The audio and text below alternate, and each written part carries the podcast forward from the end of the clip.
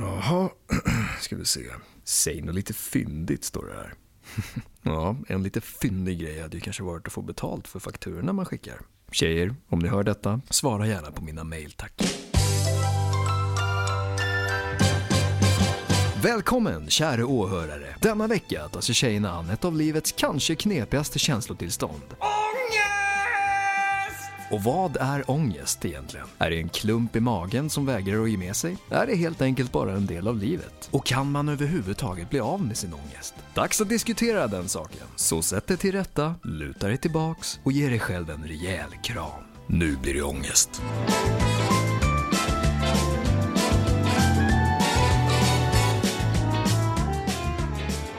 God morgon Felicia Uggla. Aj gud, prata inte så högt. Ja, Fille här på söndag morgon är ju lite bakis. Kan Nej, du berätta? det, det här händer ju inte. Jag måste faktiskt säga det att jag är aldrig bakis för att jag dricker typ aldrig alkohol. Och i morse när jag pratade med en kompis och skulle berätta om hur superbakis jag känner mig. Mm. Så frågade hon, åh herregud var det värsta festen igår? Nej, nej, nej, nej. Jag var hemma hos några kompisar. Drack en Aperol Spritz och ett halvt glas vin. Nej vänta, blev du full på det? Åh, jag blev full på min Coca-Cola. Jo, jag blev full på min Coca-Cola. Den jäveln hade lurat mig. Det är inte, man ska inte skratta åt det men det är, jag tänkte när du Men då, bara, jag, nej, men då förstår du mina alkoholvanor. jag träffade dig i morse och bara herregud vad har hänt? Och du bara jag är bakis. För då och då, syns det. det, ja lite. Gör det? Du är lite mörk under ögonen. Nej! Vi vill också fira här nu förutom att Felicia Uggla är bakis för en gångs skull att eh, vi sitter i en ny poddstudio. Mm, den här poddstudion. Alltså jag orkar inte ens, här ovanför oss är en skylt där det står on air. ja, men jag känner ju mig som en radiopratare. Vi har, Jag vill på en låt, så känner jag. Vilken låt ska du på? Jag kommer inte på en enda.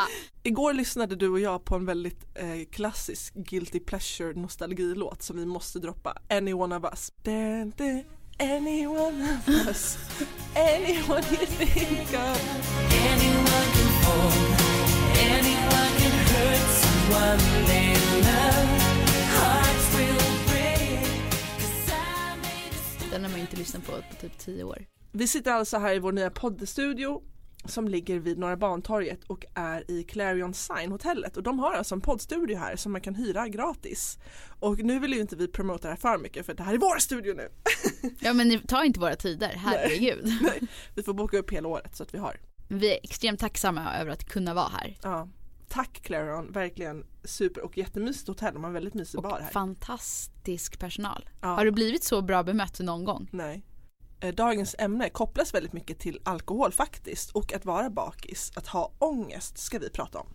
Det är faktiskt en av anledningarna till att jag inte dricker så ofta längre. Mm. För att jag väldigt lätt får ångest när jag är bakis. Ja, och jag tror att det är många som kan relatera till det. Ja men det, jag tror att det är många som kanske inte tar steget att sluta med alkohol för man vill inte riktigt inse att det påverkar ångesten. Ja men det finns ett uttryck som heter Sunday Blue. Ja. När man vaknar upp på söndag nu, alltså för att många kanske går ut på lördagar och känner att man har sån himla så här jobbig söndagstung känsla i kroppen men då kanske är det för att man är bakis. Jag dricker inte heller så mycket längre. Mer för att jag typ tränar. Vad satt vi och drack igår typ hela dagen? Chokladmjölk från Oatly. Nej men vi, när vi ses, det har jag tänkt på faktiskt, när vi typ så här, vi sitter tillsammans en fredagkväll, spelar spel, äter middag, då är det väldigt sällan vi dricker alkohol. Nej, alltså jag dricker inte alls. Inte alls? Men eh, hur- hur ska du bli full ikväll då? Jag pratade med min mamma om det här, jag tror att det är en liten generationsfråga också. Mm. Jag upplever att många av mina vänner inte dricker så mycket. Ja men det är också för att vi kanske har valt i umgänget. Alltså många av Ja, men dem vi, vi vara, känner absolut. tränar väldigt mycket, lever väldigt aktiva liv och väljer bort alkoholen på grund av det. Eller det är i alla fall det jag känner varför jag inte dricker lika mycket. Det är för att jag vill ha energi till att träna. Men ångest Felicia, det här är ju ett ämne som är svårt att prata om tycker jag för att ångest kan te sig väldigt olika för många olika människor. Och jag gjorde en google-sökning på just ångest och då får man upp över 8 miljoner träffar. På bara ordet ångest. Ja, på bara ordet ångest. Så under så fanns det andra alternativ som ångestattack, eh, ångestproblematik. Det är ett ord som många söker på. Mm. Och jag tror att det är kanske få som kanske kan sätta ordet på att de har ångest och att de inte vet så här, vad är det här jag känner i kroppen och vad har jag för känsla. Och vad är ångest egentligen? Går man in på Vårdguiden 1177 och alltså söker på ångest så kan man läsa lite vad det är. Ångest är starka känslor av rädsla eller oro som ofta känns i kroppen. Ångest kan kännas olika för olika människor och här är symptomen du kan få vid ångest. Kan inte du dra lite så vad du tror är symptom för ångest? Kanske panikkänslor, svårt att andas, illamående Man kan ju känna till exempel att hjärtat slår hårt eller väldigt snabbt. Och svettningar. Mm. Torr i munnen, kissnödig, dålig i magen, stickningar i händer och fötter, domningar. Man känner sig lite skakig och svag i musklerna, klump i magen, tyngd över bröstet. Mm. Klassisk ångest. Ibland kan ju ångest komma väldigt snabbt och eh, kan börja liksom svagt och växa sig mycket starkare. Man kan också få en känsla av att man ska svimma eller dö. Kan inte du berätta lite Felicia, för jag vet att du har kämpat ganska mycket med ångest. Kan inte du berätta om din ångestresa? Oj, min ångestresa. Första gången jag verkligen så förstod ångest, att jag kände det, det var när jag gick på gymnasiet inför ett prov jag skulle ha. Men sen har det där liksom följt med mig och sen jag fyllde typ 27 skulle jag ändå säga att det påverkade mig extremt mycket just för att jag fick min utmattningsdepression. Och då hade jag ju ångest som var ohanterbart. Mm. För att då upplevde jag det som att men jag fick panikångestattacker vilket kan kännas som att man håller på att dö. Man får ingen luft, det känns som att hjärtat bara slår hur fort som helst och man får panik. Och när man inte, för i den stunden när jag fick panikångest så förstod jag ju inte att det var det. Och då kan man ju bli extremt rädd för Mm. det. Vilket är en så extremt stark känsla som är jättesvår att ta på. Jag har ju följt dig mm, På Instagram. Jag har följt din ångestproblematik Fille och vet också att du verkligen har kämpat för att må bättre på väldigt många olika sätt och du brukar ju säga att man måste vara frisk för att kunna vara sjuk och med det menas att man måste kunna orka själv att så här, stå upp för sig själv i sjukvården och säga jag behöver faktiskt hjälp. Så min fråga till dig nu är hur har du liksom hanterat din ångest och vad har du gjort för att bli bättre? Jag brukar tänka att jag har tagit min ångest i handen. Nu tar vi hand om varandra. Nu ska vi se till att det här blir bra. För att det man inte får glömma är att ångest är ett symptom på någonting. Och då måste man gå till botten med så här, vad är det jag känner egentligen? För att om man bara går omkring och tänker att så här, jag har ångest, då blir den sta- eh, känslan väldigt, väldigt stark. Men om man bryter ner den och går in i den och tänker så här, vad är det jag känner egentligen? Det skulle exempelvis kunna vara om vi pratar om när jag hade mycket ångest när jag var i 20-årsåldern. Jag var rädd för att inte bli accepterad, inte passa in. Ja, men mådde inte bra i min egen kropp och hur jag såg ut och misshandlade den ganska mycket. Istället för att ta tag i min ångest och bara vad handlar det här om egentligen? Mm. Så bara tillät jag den att få styra mitt liv väldigt mycket. Ja vi pratar ju om det ganska mycket att man måste gå till botten med eh, vissa beteenden och känslor, alltså kolla i rötterna. För att många av de här känslorna och tankarna och beteendena som vi har är som grenar på våra träd. Om vi väljer att byta ut det här beteendemönstret till något annat, alltså typ säg att eh, man har ångestproblematik och så, så väljer man att dämpa det med alkoholberoende säger vi. Då går man inte ner till rötterna utan då bara växer ut en ny gren med något annat typ av beteende för att dämpa den egentligen orsaken som sitter i rötterna.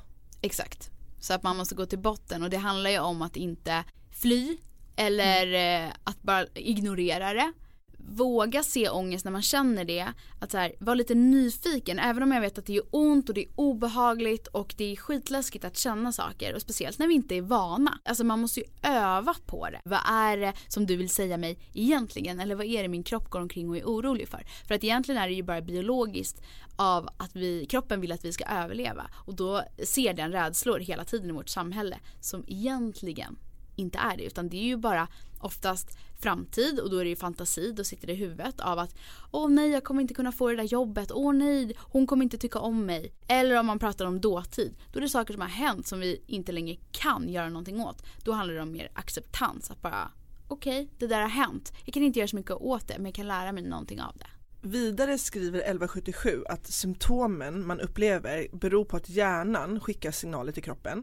Ångest är ju en naturlig reaktion på att någonting skrämmer dig. Som som du drog upp eh, att det kan vara någonting i framtiden, att man har framtidsoro eller att man har hänt någonting i, i bak, baktiden, vad heter det, dåtid som man eh, oroar sig för och får ångest för. Exakt. Ehm, det som händer fysiskt det är att kroppen blir rädd, den förbereder sig för överlevnad. Mm. Alltså det är ju liksom stresshormoner, det är när vi var grottmänniskor och skulle jaga. Mm. Då får vi ju överlevnadsinstinkt, nu måste vi överleva, vi ska fånga det här bytet. Mm. Och lite så funkar det med ångest också, kroppen, eh, hjärnan skickar ut signaler till kroppen och då får man de här fysiska symptomen. Ångest kan ju ge dig extra energi också så att du eh, eh, skulle kunna springa snabbare eller fly då från faran. Mm. Det är ju ingen fara egentligen för att jag menar om man sitter hemma i sin säng, det är inte som att ett lejon håller på att attackera en. Mm. Så det är inte sån typ av fara men det är ju en fara, det är någonting som vi känner skrämmer oss. Mm. Men eh, Sandy, hur känner du med ångest? Har du att du kämpar med det? Eller hur, eh, vad är din bild av ångest? Min ångest har varit väldigt fysisk. Eh, jag har ju berättat för dig Fille sen vi träffades att jag kämpar med bröstkorgssmärtor och det är ju egentligen ångest. Och vid ett tillfälle när jag bodde i Hamburg när jag var 18 så gick jag till och med till olika läkare för att kolla upp vad det här var. För jag trodde ju ett tag, för det, var, det gjorde så ont, alltså att jag trodde jag skulle dö.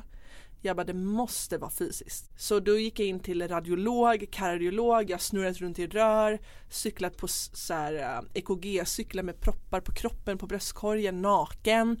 Jag har gjort alla undersökningar man kan göra för att kolla är det något fel på hjärtat. Jag har gjort gastroskopi när de går in med en slang. Ja, det har också gjort. Det är fruktansvärt. Det är hemskt. Alltså, usch, Jag har gjort båda hålen också. ja, nej, men Fruktansvärt. fruktansvärt. Om ni gör det, be om bedövning. Det gjorde inte jag. Jag bara, jag Ja, behöver inte bedöva. bli nedsövd alltså. Men det var hemskt. Ja. Jag har aldrig gråtit så mycket i mitt liv. De går ner med en slang alltså i magsäcken.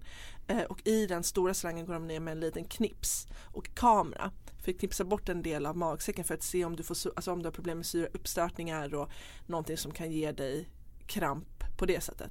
Men hur som helst, jag har i alla fall gjort jättemånga undersökningar och då var det ändå huvudläkare som sammanställde alla de här resultaten när jag var då 18-19 i Hamburg och bara det är inget fel på dig, du är jättefrisk, ditt hjärta är jättebra, alla dina organ ser bra ut, det är inget fel på dig. Jag rekommenderar att du går till en psykolog. Ja men sen gick jag ju och pratade med en psykolog när jag var runt 20 Mm. men det slutade faktiskt att jag pratade om eh, min relation till min familj i alla samtal. Mm. Så att det är ju någonting, ett trauma där som under min uppväxt och liksom hur jag har med min relation med min familj nu som gör att jag har fått väldigt mycket kramp och att det är som att den lilla Sandy fortfarande kämpar med. Har du hittat eh, så pusselbitar till vad det är den här ångesten säger? Ja, lite. Jag bodde ju på ett ashram vid ett tillfälle i mitt liv i Nya Zeeland när jag var typ 23-24. Ett av alla dina liv. Ett med lite precis. Uppe på ett berg i Nya Zeeland, det såg ut som Lord of the Rings. Alltså verkligen, jag bara Wow. Frodo! Vad, jag måste ändå fråga, när du var där i Mm. Nya Zeeland, körde du de här eh, Sagan om ringen-turerna? Nej det gjorde jag faktiskt inte. Men åh! Men jag, var, jag bodde ju uppe på ett sånt berg. Ja, du kände det ändå som eh, Ja. Legolas och... Jag bara ha! Jag kände den här. Det är det alltså där Sagan om ringen? soundtracket. Det där är inte! Jo det är det.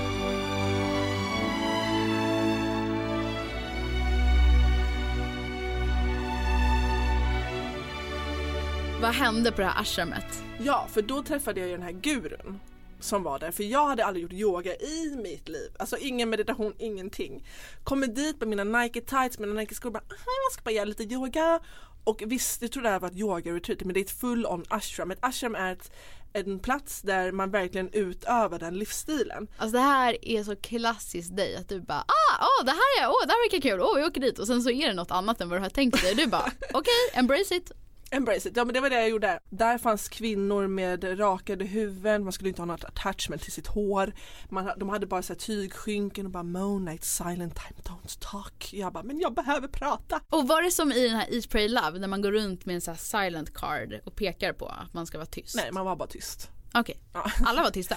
Nej inte alla men det var mellan eh, sex på kvällen och eh, åtta på morgonen så var det Mona, alltså ingen fick prata. Det är ändå lång tid. Det är lång tid. Mm. Men då gick man också och la sig vid åtta för att vi gick upp vid fyra och gjorde yoga i tre timmar. Hur som helst, jag skulle kunna prata om den här upplevelsen på berget väldigt länge. Men då berättade jag för den här gurun. Om dina bröstkorgssmärtor. Exakt. Så du gick från västerländsk medicin till lite mer österländsk. Ja men du förstår ju mig. Ja, ja. Alltså, du fattar ju.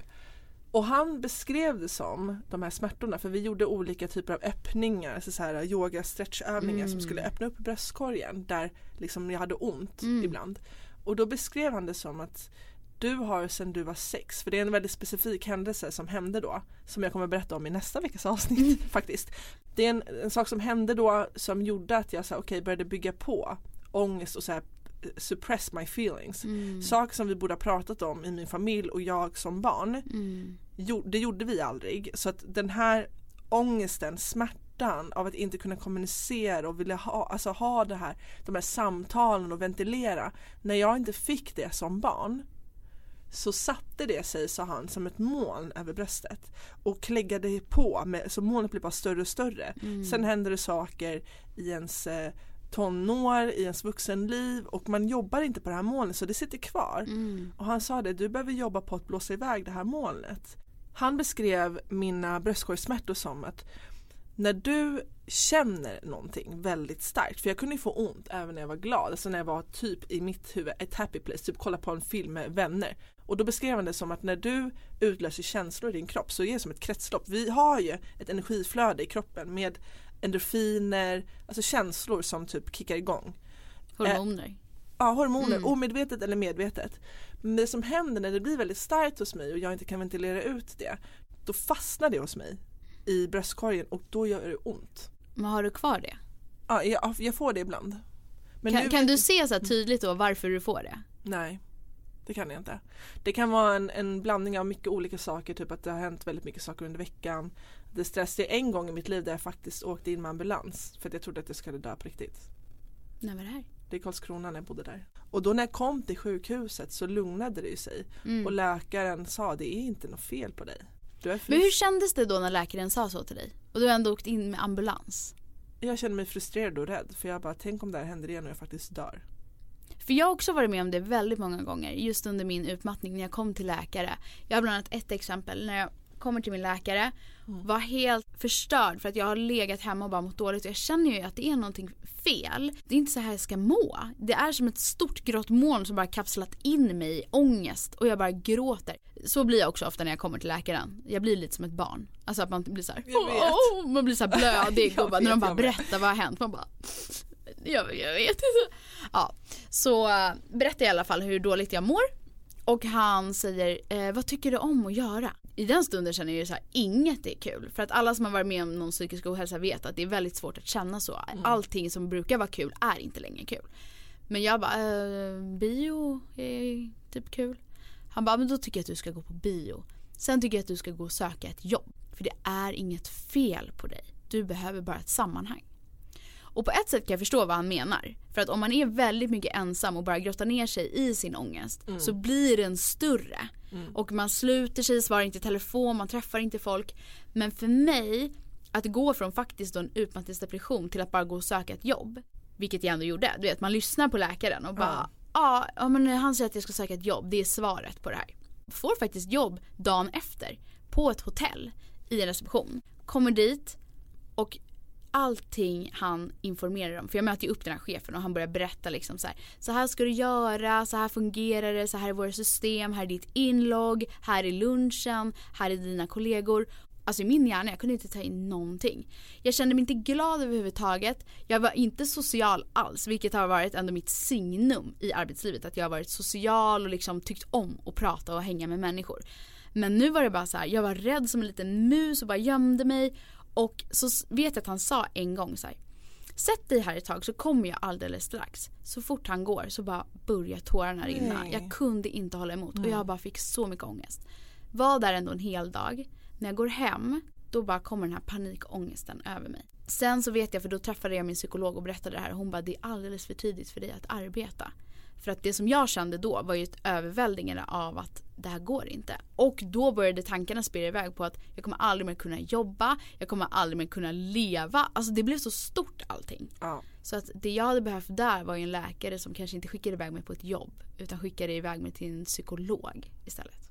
Och jag minns det här väldigt, väldigt tydligt Felicia. Alltså jag kommer ihåg att vi pratade efter den här första dagen på jobbet och jag kände på mig det här kommer inte funka. Kände du det innan jag hade börjat jobba? Eller var det jag här var ju efter? glad för din skull för att du provade. Jag Ja. tänkte så här, vem vet det kanske liksom går vägen. Mm. Men sen så hörde jag ju på dig, jag bara det här är inte där du behöver vara. Nej men jag vaknade ju mitt i natten och var helt svettig. Och då fick jag min första panikångestattack. Och bara, jag håller på att dö. Jag kunde inte andas. Det blev så här. Tårarna bara sprutade. Och då vet jag hur Gustav kramade mig jättehårt. Han var jätteorolig. Din kille alltså. Precis. Sa till mig, det är inte så här det ska kännas att arbeta. Nej. Och den tanken har verkligen följt med mig. Och man hanterar ju verkligen sådana här situationer olika och speciellt med erfarenhet tycker jag. För nu har jag gjort till exempel läkarbesök, jag var hos gurun på ashramet på, uppe på ett berg i Nya Mm. Zeeland. Mm. Det är så här, pusselbitarna börjar falla på plats och man är ju lite klokare nu som du säger när du får ångest så vet du så här, ha, du kan se det lite mer objektivt än att du bara går in i känslan. Och att du jobbar mycket med acceptans vilket jag verkligen har lärt mig mycket från dig Fille. Älskar acceptans. Ja men att så här, se på det bara, det är okej, nu känner jag så här och acceptera det. Mm. Och sen också göra, lura sig själv lite med olika trick som man måste ha. För att nu när jag får ont i bröstkorgen, då vet ju jag att det sämsta jag kan göra är att lägga mig ner och bara andas. Då måste jag distrahera mig själv lite. Då kan jag typ ringa en kompis. Men att bara ligga själv i mina tankar kommer inte hjälpa mig att få mindre ont i bröstkorgen. Men om du ändå testar tänker jag att så här, bara sätta dig ner med känslan och låta känslan vara där. För mycket handlar ju också om att inte värdera. Vad tror du skulle hända då?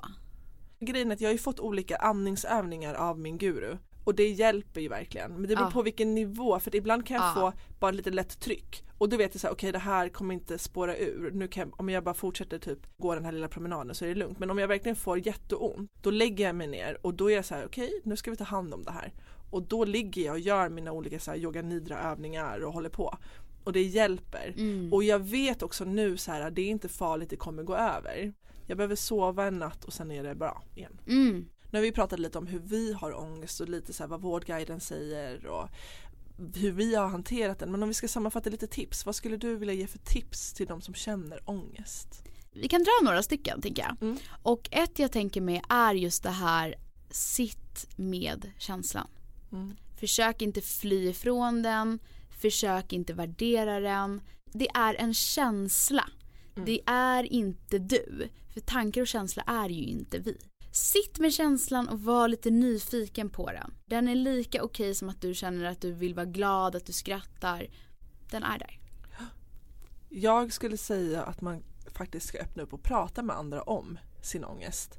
Med vänner, med familj, söka professionell hjälp om man känner att man behöver det.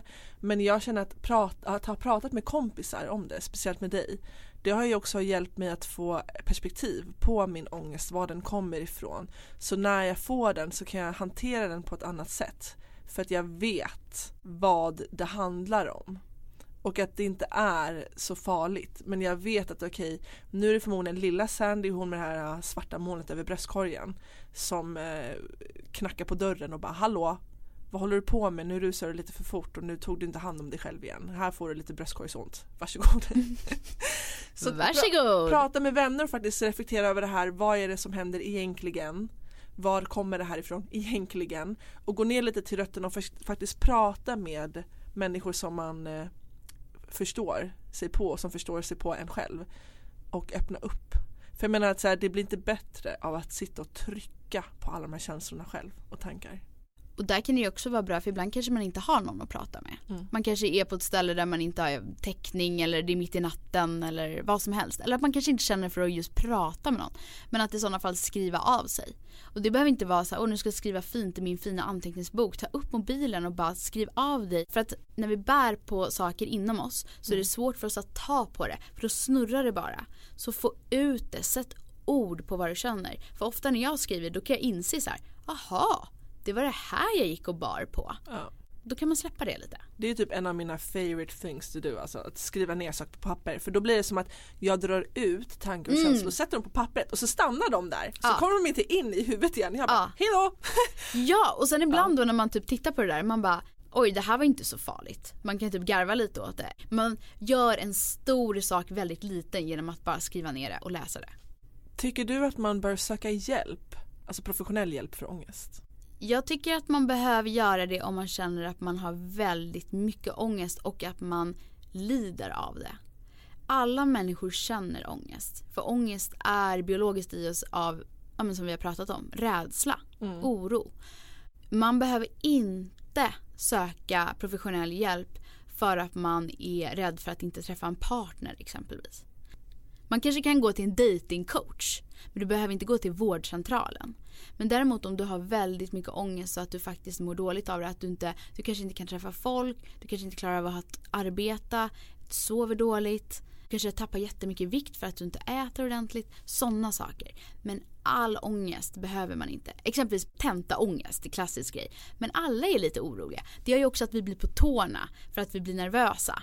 Det tillhör lite grann. Mm. Så med andra ord, om ångesten ställer till det att man ska kunna fungera i livet.